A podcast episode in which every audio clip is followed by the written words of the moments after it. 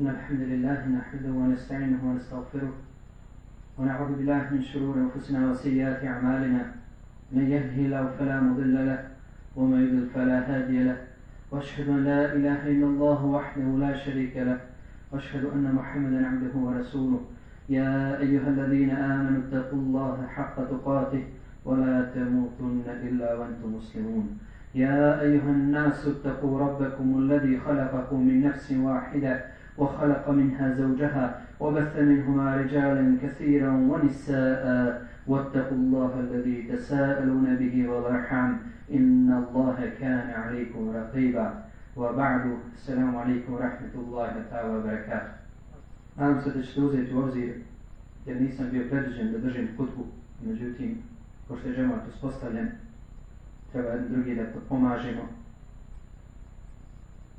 Progovorit ćemo nekoliko riječi o temi koja je aktuelna bila u prošlosti, aktuelna je i danas i ostaće aktuelna sve do sudnjega dana, a nosi naslov Al-Berhu Al-Idein, dobročinstvo prema roditeljima.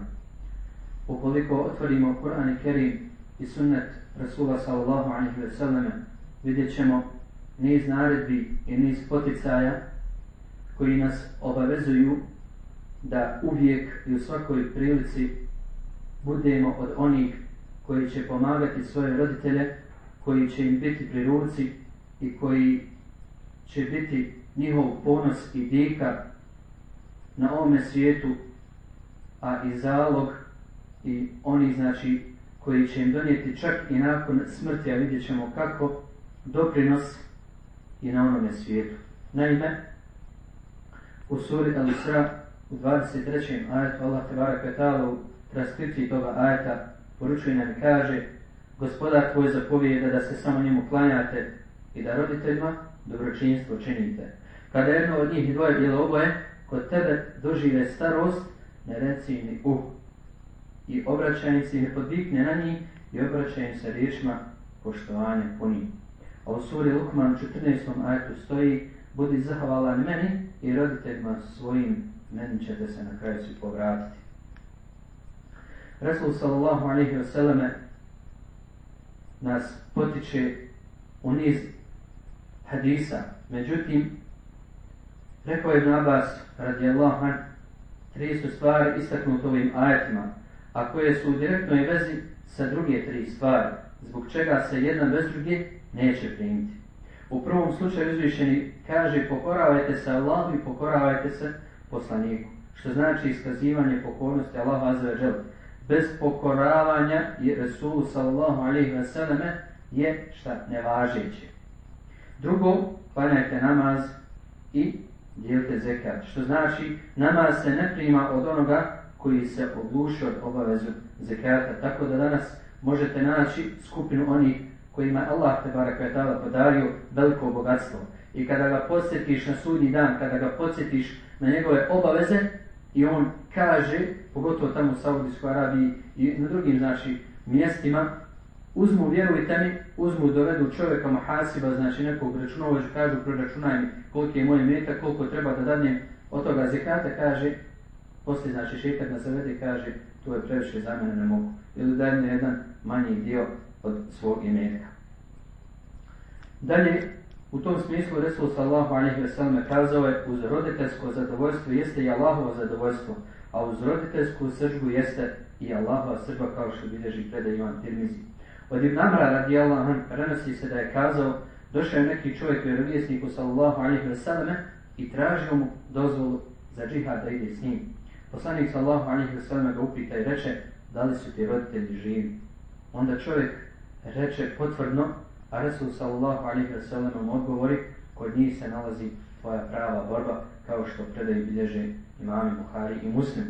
I treba da vidimo i da spoznamo kako je Allah subhanahu wa ta'ala dao prednost poštivanju roditeljima i brzi prema njima nad džihadom, ali ne treba da to shvatimo da je to uvijek, jer kada je napadnut musliman i kada je džihad obaveza, fardajn, tada znači dolaze prioriteti. Međutim, u mirnodopskim uslovima i kada nema znači neke potrebe da izlazi većina muslimana u bitku, onda znači imaju drugi prioritete. A s druge strane vidimo mudrost i to je muđiza Resula sallahu alaihi wa sallam, da ako pogledate znači kroz hadise i kroz hadijska djela, vidjet ćete da uvijek posmatra osobu koju se obraća. Tako da jednoj osobi kaže šta, za tebe je znači džihad kod tvojih roditelja najbolje djelo. Drugom koji je u osnovi bio svoj škrtac, znači potrefio bi mu njegovu manu, njegovu znači slabost i potakao ga da je čini. Pa drugom kaže koji je rečemo kao ovaj koji je znači od skupine onih koji nisu baš toliko izgradili Ivan kod sebe da daju zeka onoj njegovoj pravoj mjeri, kaže mu za tebe da udjeljuješ najbolje dijelo, da udjeljuješ i metak na Allahom putu. Da udjeljuješ i metak kako bi ga potakao. Drugom je rekao da budeš dobar prema svojim roditeljima i tako dalje i tako dalje. Znači u svakoj situaciji je posmatrao osobu koja bi došla. I na osnovu te osobe zavisila bi, zavisio bi njegov odgovor. Tako da ne može neko doći reći imamo kontradiktornost u nekoliko predaja po tom pitanju. Također su Buhari i Muslim zabilježili hadis Jesuva sallahu alaihi wa sallam u kojem stoji Hoćete li da vam kažem koji su to najveći grijesi? To je pripisivanje Allahu druga i neposlušnost roditelja. Vidimo znači da odmah nakon širka, kao što uzvišen kaže u Kur'anu Kerimu, da će Allah oprostiti grijehe sve kome hoće osim širka. Znači širk neće oprostiti, a i njega će znači oprostiti onome kome on hoće. I odmah nakon tog širka, znači broj dva jeste odberu valide i neposlušnost, odnosno ovog kulpor valide i neposlušnost roditeljima. I vidimo kako se ovdje nehuman postupak, neposlušnost i nepažnja prema roditeljima dovode u blisku vezu sa širkom. Također, u Buharinu muslimom sahihu navodi se predaj da je Resul sallallahu alaihi wa sallam rekao Neće ući u džennet onaj koji je roditeljima neposlušan, onaj ko prigovara svoje dobročinstvo i notorni alkoholičar. U drugom mjestu stoji da ima nešto manje od uzvika uh, kojim se protoriječi roditeljima, Allah bi i to zabranio. Znači, to je obična jedna, tako da kažemo, uzrčica, da ti kaže roditelj, otiđi mi u prodavnicu ili gdje učini nešto za mene, kažeš, um, što uvijek moram, ja ima stari brat, ima starija sestra, ima neko drugi, pored mene, zašto uvijek svo, svo vreme, znači, tih emaneta i tih o, obaveza, kako školskih, tako porodičnih ili društvenih, pada na mene. Treba da to insan bude šeref, da to bude ponos, da se jednostavno bude, da mu bude dika što, što ima priliku da se, tako da kažemo, djelimično, djelimično oduži svojim roditeljima, jer vallahi, kada bi insan proveo u pokornosti svojim roditeljima čitav ovdunjalički ovaj život, ne bi mogao da, da pogotovo majci u odnosu na oca ne bi mogao da zahvali na, na jedan kompetentan način. Također, Asi, Asija, odnosno neposlušnik roditeljima, neće ući u ženet mašta uradio dobrih dijela, a onaj ko je ponizan svojim roditeljima ušće u džennet, mašta bude uradio od loših dijela, kao što predaj bilježi Dejlemi.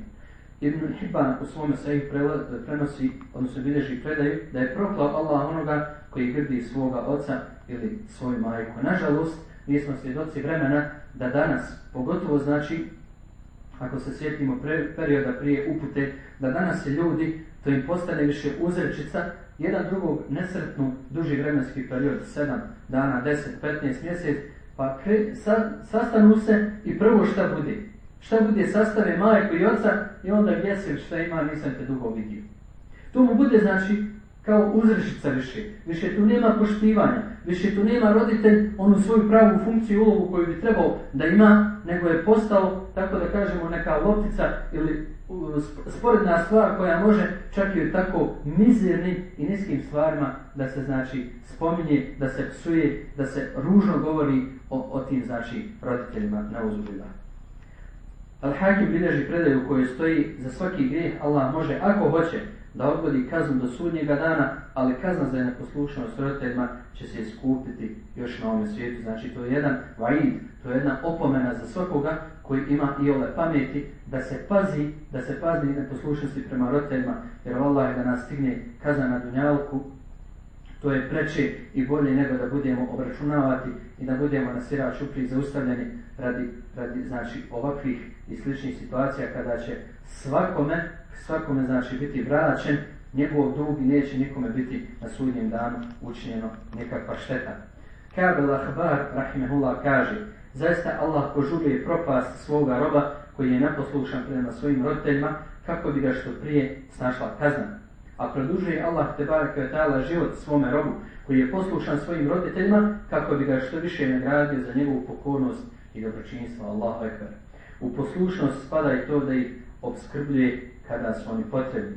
Jedne prilike došao je čovjek, Allahom poslanik sallahu alihi wasallam, i rekao, o Boži poslaniće, moj otac hoće da mi ime tako propasti, pa ne znam šta da radim. Na što me Resul sallahu alihi wasallam rekao, ente wa malu ke nije bike, ti i tvoj ime tako pripadate tvome ocu.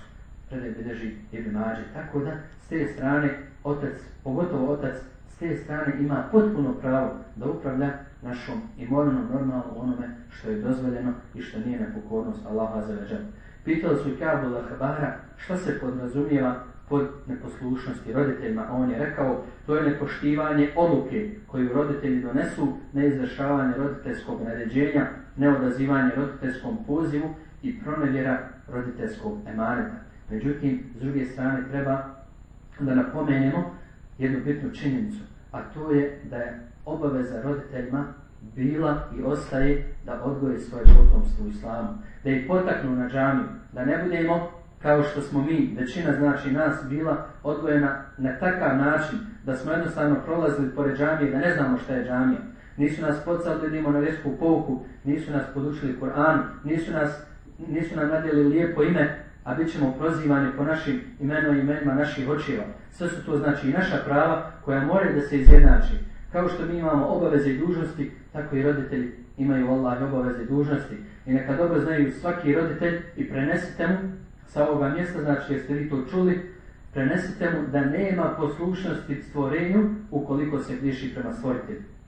To je jedna, znači, jedno pravilo koje ostaje sudnjega dana. Tako da svaki onaj koji želi da te odvrati od pravoga puta, koji E, želi da te odvrati od namaza, koji je glavni stup vjere islama, koji želi da te odvrati od toga da ideš u mešće, da se družiš sa dobrima, znači sve one vrijednosti koje islam potiče, one su danas postale nenormalne, subhanallah. One su postale nenormalne. Danas je normalno da se drogiraš, danas je normalno da se opijaš, da dolaziš kasno u kući, to su neki prioriteti, šta kažu te na kraju, neka mladi se neka se provedu. Nema tu provoda, nema tu opuštanja, Jer govorili smo o vremenu i njegove vrijednosti kod muslimana. Ne može musliman tako bahato da se ponaša. Imamo obaveze, imamo dužnosti sprem Allaha, sprem roditelja, sprem djece, sprem potomstva. I sve dok to radiš, ako istinski na pravi način to radiš, nećeš imati vremena za gibet, za prenošenje tuđih riječi, za, e, za lupovanje i šta ti ja znam. Međutim, ako roditelj kaže nemoj da klanjaš, vallaj, tad nisam dužan da se pokori. Nisam dužan, Jer onaj koji je stvorio i mene, i mog babu, i moju majku, ima veće pravo. Ima veće pravo, ali opet ostaje dobročinstvo. Opet ostaje lijepa riječ, opet ostaje podpomaganje sve do sudnjih dana. I to dvoje ne smije da se liješa. Čini mi se im Rasul, ne sjećam se tačno koji je od ashaba, krenuo je pravim putem. Njegova majka šta se zarekla? Da neće jesti ni piti sve dok se on ponovno ne vrati na kufr. Rekao je velike riječi, subhanallah. Kaže, majko, ti da imaš stotinu duša, znači stotinu života, i sve da ti jedna za drugom izlazi, znači da budeš oživljena, pa opet umreš, pa oživljena, opet umreš, znaje da se neće odreći ovoga na čemu sam sada. Neće odreći slježenja pravog puta. To neka te je jasno. I kada je vidjela njegovu čvrstinu, upornost i ustajnost, vratila se i krenula da jede i pije i da nastavi normalna života. Međutim, to su sve šetanske vesese, šetanski prilazi. Svakome od nas koji imamo svakodnevno, jer šetan nema, rekli smo, nema što da radi sa onim u vrti i u kafanji. Oni su mi zavedeni, ali ima posla sa nama koji dolazimo i padamo, Allah azzer žel na sežu, pet puta dnevno. Sa nama ima posla. I onda nastoji da otvori nam 99 vrata dobra, da nas navede na jedna vrata zlata. I onda penje putem bližnjih, putem roditelja, putem ova, putem onoga, kako bi slomio insana i kako bi insan poklikao na sljeđenje pravog puta. Upitan je je nabas radijela ta'ala, ko su ashab la'arab, na što je on odgovorio, Araf je jedno brdo između džennete i džehennema, koje je stremi i džennetu, a i džehennemu. Na njemu se nalaze stabla sa plodovima, rijeke i izvori. Stanovnici njegovi će biti oni koji su poginuli kao šehidi, ali su u džihad otišli bez roditeljske dozvole. To što šehidi nisu ušli u džahnem, a to što su otkazali poslušnost prema roditeljima, spriječilo im je ulazak u džahnem. Tu će nastavljeni biti sve do konačne Allahove odluke. Buhari i Muslim prenose da je neki čovjek došao Resul sallahu alaihi wa sallam i rekao O Allahov poslaniće, koji od ljudi najpriče i vam bude se blizak? Resul sallahu alaihi wa sallam je odgovorio Tvoja majka, On upita, ako onda, opet reče tvoja majka, ako onda Boži poslaniće, kaže tvoja majka. I tek četvrti put kada upita, ko poslije Boži poslaniće, odgovorio je tvoj otac. Resul sallahu alaihi wa sallam postiče nas na iskazivanje prednosti. Poštivanja majke odnosno na oca tri puta. A to zato što je majčinska pažnja i nježnost prema djetetu. Veća od očevi, dodajući tome i teškoće koje majka podnosi u trudnoći, rađanju, dojenju i noćnom bdijenju koje pretežno znači pada na teret majke. Ibn Omar radijallahu anhu vidio jedne prilike kako neki čovjek nosi svoju majku na leđima, znači stavio i tavak i svijom oko kjabi. Upitao me, šta misliš o Ibn Omer, jesam li se ja odlužio prema majci? Znači da budu jednaki prema svom onom dobročinstvu koje, ona, koje ona učinila prema njemu. Kaže, Allah nisi ni za jedan nije bol koji je osjetila rađajući te, ali si time ipak pokazao evladski merhamet, a može uzvišeni Allah te barek za tu sitnicu da ti podari neograničeno mnogo i dobro odgovorio je nome. Ebu Horeire radi Allah vam prenosi da je Resul sallallahu alaihi wa sallam kazao za četvoricu se, ako se ne pokaju, Allah zarekao da ih neće uvesti u džernet, niti će dozvoliti da osjete njegove blagodati. To su notorni alkoholičar, onaj koji kamatu uzima uzurpator jetinskog imerka i onaj koji je neposlušan svojim roditeljima.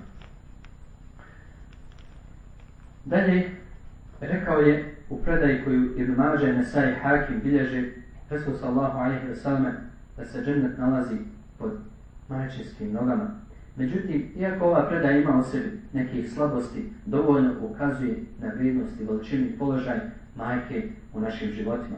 Došao je neki čovjek do Abu Darda i kazao mu, ovo je Abu Darda, oženio sam ženu, a majka mi sad naređuje da je ja pustim. Abu Darda mu kaza, čuo sam Resula sallallahu alaihi ve sallam kada je rekao, roditelji su najprostranija vrata kroz koja se ulazi u džennet, pa ako hoćeš, ostavi ili čuvaj, mađi, tebizi. Ali ovdje treba da napomenemo da se radi o roditeljima koji nam žele na prvom mjestu dobro, koji su ocijenili na pravi islamski šerijatski način da dotična osoba nije za nas. A ne da to bude kao što je danas rasprostranjeno, da su uvijek na relaciji mlada i sve krva u ratu. Zašto? Zato što ona nije bogata, zato što nije završila fakultet ili neke ovodunjaločke vrijednosti koje naši roditelji imaju u svojoj viziji naše mlade da budu.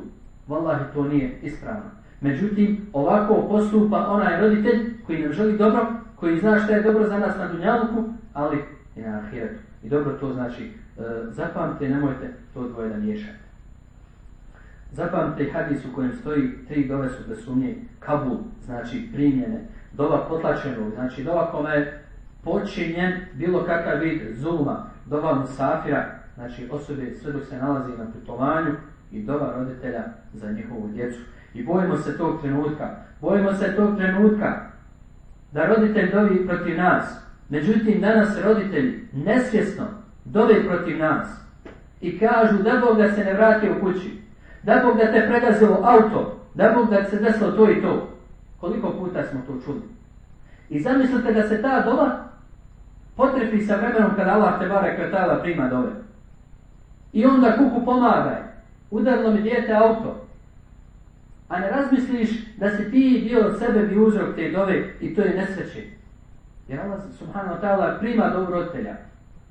I zato oporuka moja svim roditeljima jeste da dobro razmisle kada kunu, kada kletu, kada proklinju ili bilo koju stvar u obraćanju kada činimo je znate da tada u našim razgovorima možemo potrebiti trenutak kada se prima dola kao što je dan petka kao što je kada, kada pada kiša i tako dalje i tako dalje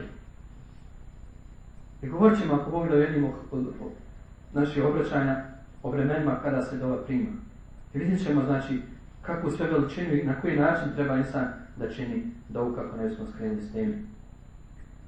Osoba koja odmah iza roditelja zavređuje dobročinjstvo, pažnje ili je podnos, jeste majčina sestra, odnosno tetka, kao što bilježi makjevici. Prenosi se od vehba jednog munebdiha da je kazao Zaista je Allah subhanahu wa ta'ala objavio Musa alaihi salam. O Musa, budi dobar prema roditeljima, jer ono koje je dobar prema njima, Allah će produšti vijek i podariti mu poslušno djete, a onome koje asija roditeljima, Allah skače lijek i daje neposlušno potomstvo. A Abu Bekr ibn Merim veli, čitao sam u te vratu da treba ubiti onoga koji udari svoga oca. Zaslužuje kamenovanje onaj koji šamari svoga oca. A od Amra ibn Murveta al Džuhenija navodi se da je kazao Došao je neki čovjek Allahu poslaniku sallahu alaihi wa sallam i kazao O Boži poslaniće, Šta misliš ako budem klanjao pet propisani namaza, postio mjesec Ramazana, dao zekat i odšao na hađ, šta meni pripada? Na to je Resul sallallahu alaihi sallam rekao, onaj ko bude izvršavao navedene poslove, bit će na budućem svijetu u društvu poslanika, pravednih šehida i dobrih Allahovih robova, pod uslovom da nije neposlušan roditeljima, jer Allah je proklao onoga koji je neposlušan roditeljima, kao što predaj bježe Ahmed i Taberani. I za kraj rekao je Resul sallallahu alaihi wa sallam vidio sam na mirađu ljude obješene o stavla u vatri i upitao sam Džibrila alaihi salatu wasalam koji su ovo ljudi. A on je odgovorio to su oni što su svoje roditelje na Dunjaluku vriđali kao što predaj bilježi imam Zahedi. Ja molim Allaha tebara kartala da ove riječi budu dokaz za nas, a naproti nas na sudnjem danu. I moja oporka ostaje i roditeljima, a i nama kao potomstvu, da spoznamo koje su naše obaveze i dužnosti sprem jedni, jedni sprem drugi, jer samo na takav način možemo zaslužiti zadovoljstvo, sreću i uspjeh kako na dunjalku, tako i na ahiretu. Rekao ovo, molim Allah za oprost, molite ga i vi, i neka je zadnja naša dola. Hvala Allah, gospodaru svih svjetova.